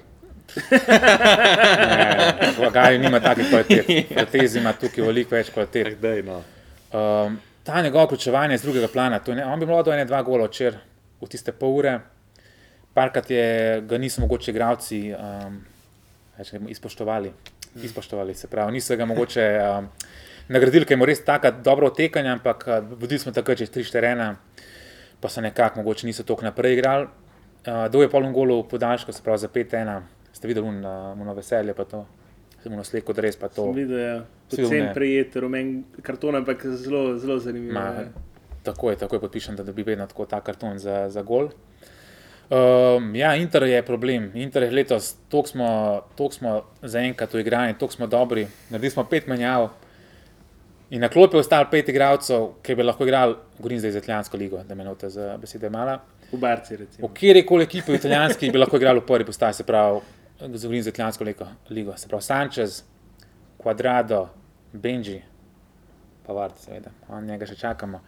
Sensi in pa uh, Klasen. Se pravi, te so vsi igralci, ki bi v kjerkoli ekipi v Italiji lahko dejansko konkurirali za prvo enesterico, pa so dejansko to, ko smo nismo prišli niti iz klopi noter, dejansko imamo širino nerealno, zdaj pričakujem tudi proti Sociedadu, zdaj med tednom kar ene par rotacij, tako da Pavarda pričakujem in še par igralcev, tako da Inter je pokazal nivo, Inter je pokazal Milan, kot je nevaren, kot ima Pulšiča, pa Pulšiča smo zaprli, ker da ga ni bilo, ampak ima neko, ima neko kvaliteto, ampak Inter je, jaz imam feeling, da ima Inter tako tri plane za igrati. Lahko igramo napadalno, lahko se povlečemo, igramo na kontra, lahko igramo posest.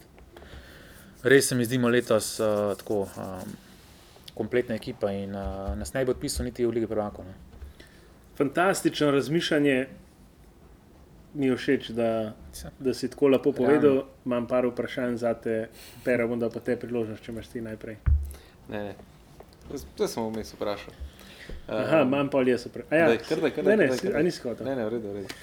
Um, prva stvar, ki bi te vprašal, pa tako zdaj iskreno, ne, a si se kaj ustrašil, ko je začel Inzagi, mislim, ne, si ustrašil, a se ti zdi kaj nenavadno, da je Inzagi relativno hitro začel menjati nosilce. Tako mislim, Barela je šel 60 minut ven, pa še ne par do, drugih igralcev. Naredil je to namenjavo, ja. ja, mislim, da pred dva nič je to bilo, ne? Predvajna. A pred dva ena, ja. Ne. Te ni nič zaskrbel. Ne. Ne, zato mislim, ena zamerka, no, moja zamerka do Inzage prejšnje sezone je bila to, da je doska čakal z menjavami preveč, ne do zadnjih 10, 10 minut, varianta in še lepo je menil.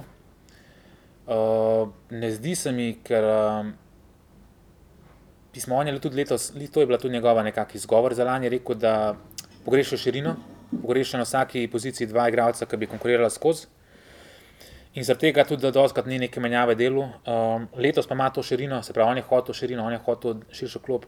In se mi zdi samo logično, da dejansko uporabil pol ure prej, pa tudi videl, da se malo smo padali, oziroma nismo padali, nekako, ker smo postili Milanu to inicijativo in Milan zabil. Je bila takrat tekma še najbolj tako, recimo, negotova. In smo rabili, pomoč pa na klop enega Fratezija, ki je zdaj v fenomenalni formi, tudi za Italijo do dva gola. In ima to energijo, ima to grinto, kot sem rekel.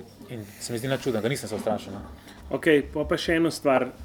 Zdaj, moj sample size je vem, dve tekmi, ki sem gledal celi od Interja, ne pa mogoče kaj vmes. Ampak moj občutek, po tem, kar sem videl, je, da igra izredno disciplinirano Inter. Torej, posamezne linije, obrambna, sredinska, napadalna, so disciplinirane, zelo, rekel, enotne, se premikajo kot en sistem, kot en igralec. a ne. Točno vejo, kako. Na, potem me malo spominjajo na najboljša leta atletika. Okay? Uh, Atletiko Madrida. Ne? Kar pa sem morda uh, opazil, pa me popravil, ne vem, mogoče je to bilo samo moje opažanje, ki je napačno, da je pa razdalja med posameznimi linijami pa puščajo precej veliko. Torej, med zadnjo obrambno linijo pa sredinsko linijo se mi zdi, da je preveč prostora puščajo. ne. V kateri Ker- fazi? eh, ko, ko se branijo. A Ne, sama, zakaj to govorim? Ne? Eh, Ker običajno na način, kot se oni bra, branijo, je pomembno, da se res, poleg tega, da se linije premikajo zelo enotno, je pomembno tudi, da se celotna ekipa zelo enotno premika. Ne? In potem, zdaj nekateri so bolj kompaktni, Inter izbira tukaj vse nekoliko razširjeno. Sprav ne tako kompaktno v smislu, da je razdalja med posameznimi linijami majhna, ampak vsem pušča nekoliko večji prostor. In mislim, da je bilo to zelo izrazito pri golu. Milan, žal, mislim, da nima igralca ta trenutek, ali pa saj niso tako igrali, ki bi znal dobro igrati med linijami. In čim se je žiru v bistvu postavil, oziroma se povlekel, je šel nazaj in je igral tako kot običajno igrajo neke lažne devetke med linijami, je v bistvu prišel do razpada linije obrambne. In potem, ko imaš po drugi strani nekoga, ki lahko igra ali dvojno podajo odigra, ali pa pač lahko pride med linijo in hitro poda nekomu na krilo, ki je hiter, tako kot je Leao hiter, a ne pride do nekega razpada z linije. In to se mi zdi neka taka slabost, ki sem jo opazil pri Intru, pa me zelo zanima tvoje mnenje, če tudi tako vidiš. Ja, zdaj, če gledamo zdaj ta samo situacijo gola, se ne bi strinjal s tabo. Se strinjam, da tukaj že naredil ključ, da je dejansko tudi uno žogo v prostor po leautu. Ampak to je bila neka pol-kontra situacija. Tukaj obramba Intera ni bila postavljena, pa da bi imeli mi postavljeno obrambo, pa da bi oni na ta način šli čez, eh, čez našo obrambo. To je bila vse neka pol-kontra-kontra in tukaj smo ranljivi, sploh Leao. Jaz mislim, da ne vem, če na svetu, če so tri igralce hitrejši od njega. Tako, ko so v prvem šprintu, ne vem, iskreno. So, mislim, da Okay, Mbappé, ampak, to je, ampak to je nivo Mbappéja, to je hitrost nerealna. Ja. In uh, ja, na to kontro so nas dobili. Um, ampak to je bila dejansko edina priložnost, ko so jo dejansko skoraj da imeli. Jaz se ne spomnim nekih drugih tako konkretnih, mogoče na Hernandez, ki je isto v letu v prvem polčasu, pa je uh, Mingola udaril. Se mi zdi, da smo sploh v fazi obrambe, ker smo, se mi zdi, da smo dejansko dosti kompaktni, ali zato, ker ne, ne pritiskamo na prvo linijo in dejansko sta Lautaro pa Turam nekako na sredini, na centru, pa so pa ostali nekako temu v 30 metrih. Imamo pet v zadnji, tri v sredini, pa dva tako.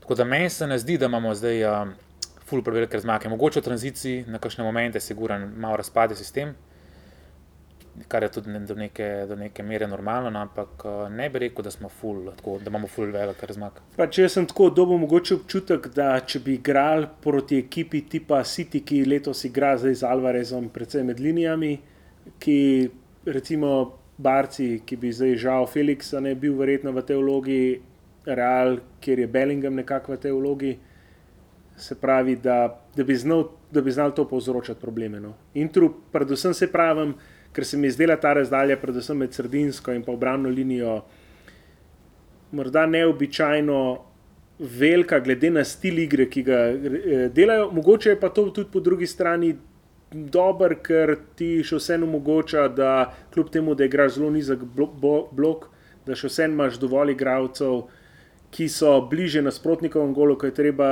izstreliti v proti napad, da lahko v tem proti napadu participira, sodeluje več igralcev. Mm. Kar bi pa rekel, da je odlika Intra po teh parih tekmah, je, da so zelo dobri. Se pravi, obrambi me bolj spominjajo na Atletiko v tistih najboljših letih, v napadu me pa vidim neke podobnosti z Morinjovim realom, v tistih takrat, ko so bili izredno dobri v kontrah. ne. Ja, to za Morino Real se ne bi strinjal. Mislim, da je to Inzaghi v Inter, ki Inter tako že leta igra zdaj z Inzagijem na, na ta način. Vse pravim podobnosti. no. Okay, okay. Jaz bi vseeno rekel, da je to Inzagijev podpis. Um, hotel sem pa povedati to, da to si dobro postavili to za ta gol, ki smo ga dobili.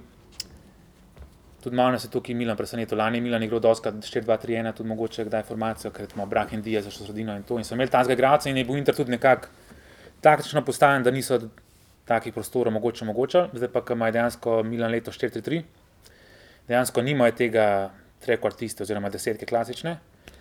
In uh, s tem, ker je šel žirutov dol, nas je malo mogoče presenetil, ampak tudi, kot sem rekel prej, to je bila neka pol kontra kontra. Ampak bi se pa strinjal s tabo, da smo v obrambi zelo igrani.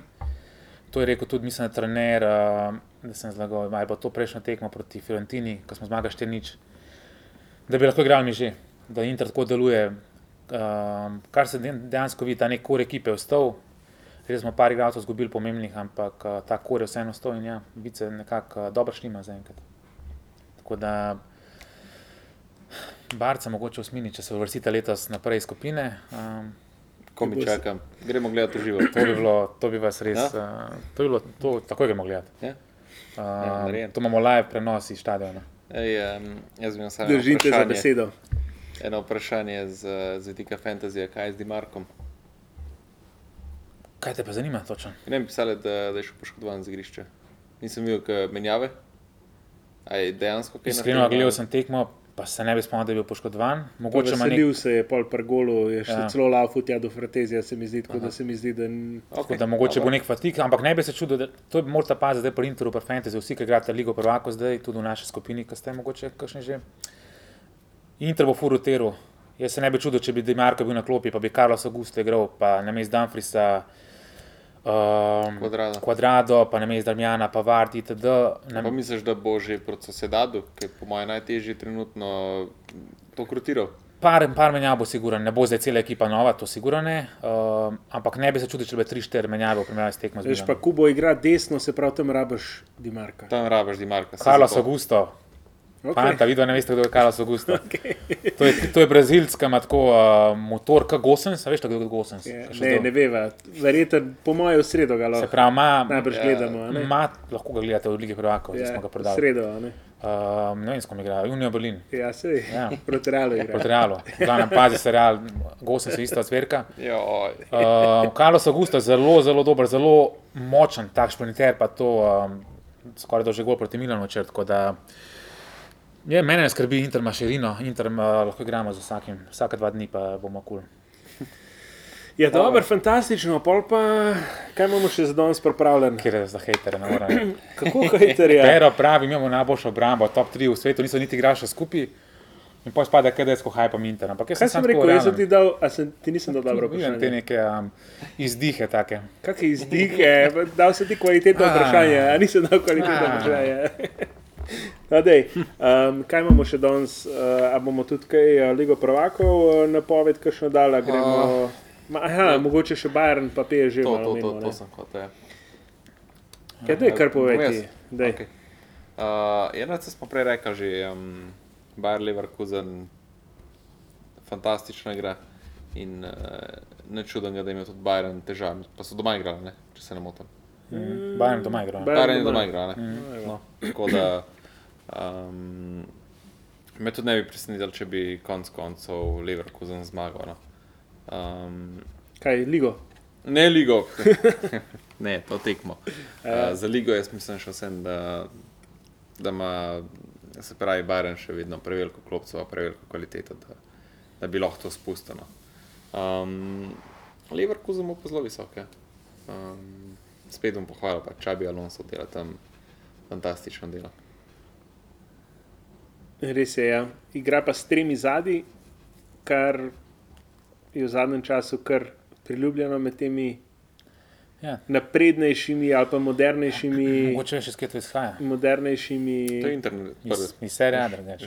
Inter, eh, Mislim, iz serije A težko, mislim, eh, verjamem, da je iz serije A, ampak sta sigurno Conte- ne izpred zadnjih Konte deset. pa Sari sta to uvedli tako.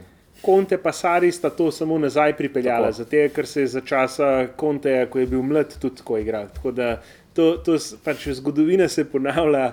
Tako da ekipe igrajo iz 4-4-2 na 3-4-3, na 4-3-3. Recimo tudi uh, Ancelotti je včeraj proti uh, uh, Sosedadu nazaj pripeljal svoj Christmas 3. Ne vem, če poznate ta njegov sistem, To ker pač igra star 4-3-2-1.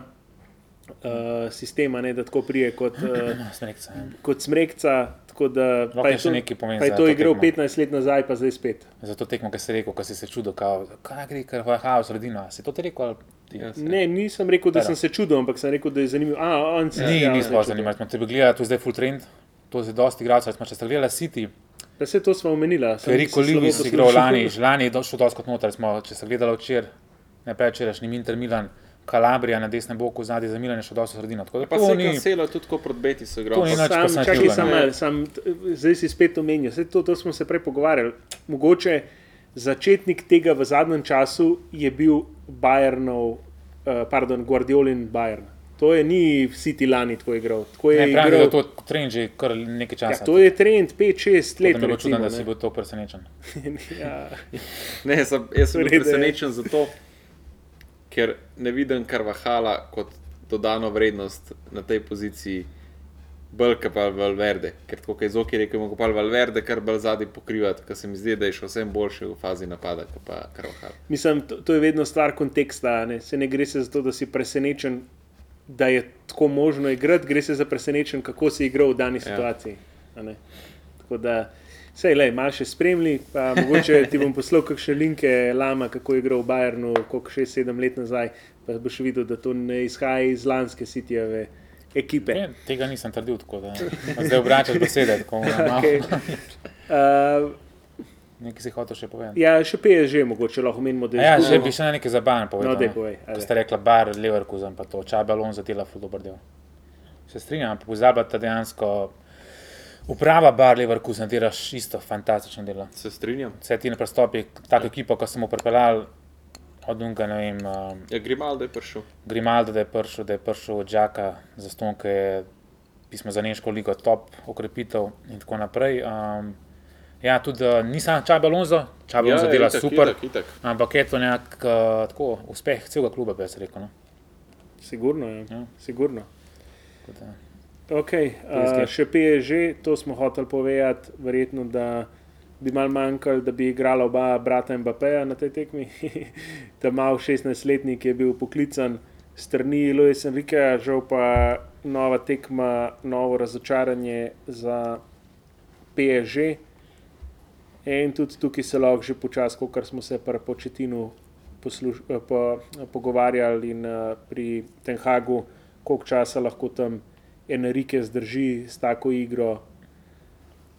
Je že res, da je tudi kar nekaj igralcev manjkalo, ampak kljub temu mislim, da imajo tako klop, da bi na tej tekmi, oziroma take tekme, oni morali rutinsko Mm. odigrati. Prijem pa tudi pokomentirati te dve, eh, to tekmo, če želite.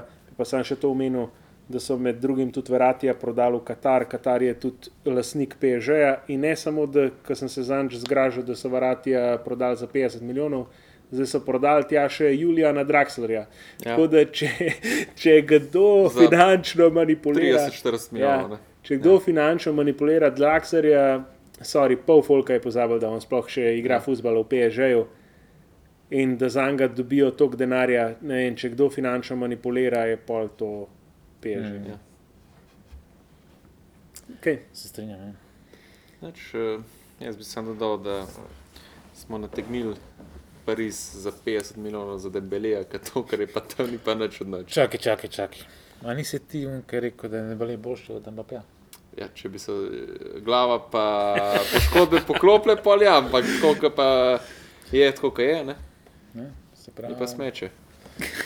Ni smeč. Ja, je, kako ni? Ti ki še z enega ekstrema A, a, drugega. si, a si videl, a si videl kakšne dve šanse ima on? Nisem videl. Dvakrat je šel ena na ena, Ampak, zgrešil uh, pa za 20 metrov gol. lej? Brez hica, za 20 metrov Se zgodi, gol. ampak prihaja v prilike, ne? to je pomembno. V redu. Uh, je Naslednjo tekmo je 0-0-7. 007. Sedma tekma brez asistence, brez gola. Ja. Ej, a, pa veš, kaj sem hotel omeniti, zdaj, ko sem tako v Dembeleju, pa mi je pol barca padla na pamet. Ne? To sem pozabil prej povedati, pa se mi zdi ful pomembno. Za barci način igre. A, mislim, da sta oba ža nekoliko tudi vsem spremenila pristop. Recimo, ena zadeva mi je bila zelo zanimiva. Poprečje driblingov vseh igralcev na prejšnjih štirih tekmah Barce je bilo 17, zdaj sta imela pa samo ona 2-17 skupaj. Ja. Se pravi, dejansko sta bolj direktna, ne bojite se iti v duele ena na ena.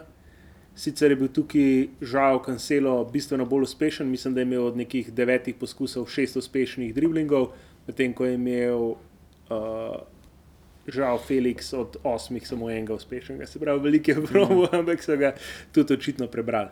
Uh, tako da, Ne, ja, ampak no, uh, to nakazuje na nekoliko drugačen, bolj direkten stil. No. Pozna se, da je to res kvaliteti za desen beg Ja. ja. v primerjavi s prejšnjim. Se tako je tudi gol padel. Kaj se ti smeješ? Super. Gol je padel po super driblingu, to No, je, to res kot najboljši wingerji. Ja. Ok, uh, imamo še kaj, preden zaključimo. To je to, Uh, no. mogoče napoved lige prvakov, kaj bo Inter naredil. Kaj za, za torek, Ja. v sredo? Ja. Ah, X2, se pravi, izenačen ali pa zmaga Interja. Pred kom že igrajo? Sociedad v A Ja, gosteh. so se dati v gosteh, valjda pa ali prej smo govorili. Uh, ja, to mislim, da si kar dobro povedal, ker Iguasila, ne, um, ki je trener eh, Real Sociedada, goji ta stil igre s posestjo, pa zelo visokim presingom. Tako da bomo videli, kar mislim, da proti taki ekipi letos Inter še ni igral. Ja. bomo videli, kako se bo to obnesel. Oziroma, to bo en dober test za Inter. Če bo mm -hmm. ta test prestal, pa bomo videli, da so res Ne bi, ne bi to rekel. močni. Vem, zakaj si šel v to smer, ne bi se sicer strinjal, zato ker bomo tudi mi rotirali. Tako da tudi Aha. mi bomo dejansko ne bomo, dosta igralcev bo novih, recimo temu. Pa jih to, misliš res, da bo res rotiral? Ja, par igralcev siguren. Pa ne bo zdaj celet postava, ampak 3-4 pričakujem. Sam, a ni smiselno, mislim, smiselno. Začeti prve tekme z zmago, pa odpihniti čim prej, pa si zagotoviti napredovanje. Je, sploh sam- po intervjujem primeru, pa sploh, eh, ko pač igrajo, pač, aj to derbi skupine. Koga imaš v skupini? Da sem pozabil pismo. Sociedad Inter, Mislim, te Ja. dva sta najmočnejša se recimo, ja, mislim, No. vem, se, bi se strinjal tako s tabo, vem, zakaj uh, tako razmišljaš. A, veš, a, a ne bi bilo lažje zarotirati čez vikend, se ne vem, koga, koga imate, ampak Imamo eno tako lahko tekmo, No, tako na papirju. No. Uh, se strinjam, ampak a ti ne bi pavarda dal proti, recimo, a veš. Mislim, Dobar, ampak Pavar, da bi dal proti Darmijanu. Če, bi- če bi zamenil z Darmijanom, Tako. potem ja, ampak zato, ker je Pavard še vsem boljši od Pa enega Darmijana. fratezija menja, da smo Mikatarjana menja, kot Mikatarjan je 34 let. A veš, ni umno, da mi zdaj rotiramo na silo, ampak mi dejansko imamo res. Vem, ampak recimo, Veš, Kdo je še strinjam, ne. Salzburg, pa Benfica je še. No, Ja, Benfica je tudi močna. Ja. ampak um, Ja, bomo videli letos. No? Ja. Ja. Grimaldo jim bo po majkar manjku zadnje. Ja, pa Gonzalo Ramos isto. Ja, pa v Tamendi bo ja. v bistvu sam, ne? Grimaldo je lani delal, kar mislim sam. Bojo oslabljeni v obrambi. Ne? Ja, Palani je, Palani je prvo polovico itak še ta igral, ne? Liverpoolov, Nuni- Nunez. Uh, mogoče, pismo, možda ne vem. A Mislim, da ja. poletja, po zimi v Liverpoolu. Ne, po zimi je šel zig. Prvo, je pa igral, polovico ja. mislim, da je igral. Je Tako da, Ok, mogoče to, sam še preden zaključimo, se pravi, zanimivi dvoboji bojo sigurno Milan Newcastle. Uh, bomo videli, kako se bo Leao lahko kosil s tako trdo angliško obrambo, kakršno goji, pač pregovorno angliško obrambo, kakršno goji Newcastle. Ko rečem trdo, ne mislim po kakovosti tipa italijanska obramba iz 90-ih let, ampak predvsem mislim to čvrsto.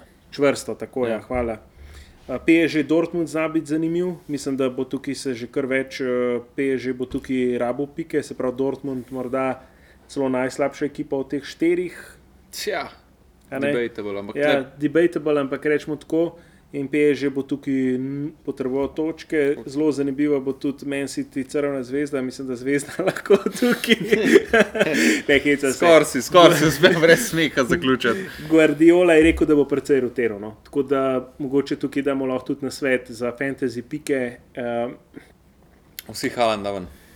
Ne vsi Haaland, da ven, Haaland bo po mojem vsem začel, ampak zelo veliko vprašanje bo obramba, tako kot je vedno pri Cityju in tukaj bo še večja. Pa tudi vprašanje so razni Alvarezi, Foudni in tako dalje.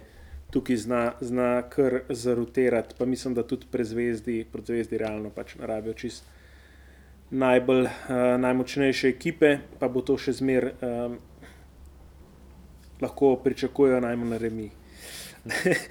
ok, uh, pol naslednja, naslednja uh, Bayern, Manchester United. Smo videli, da jih bo Bayern raztrgal ali ne.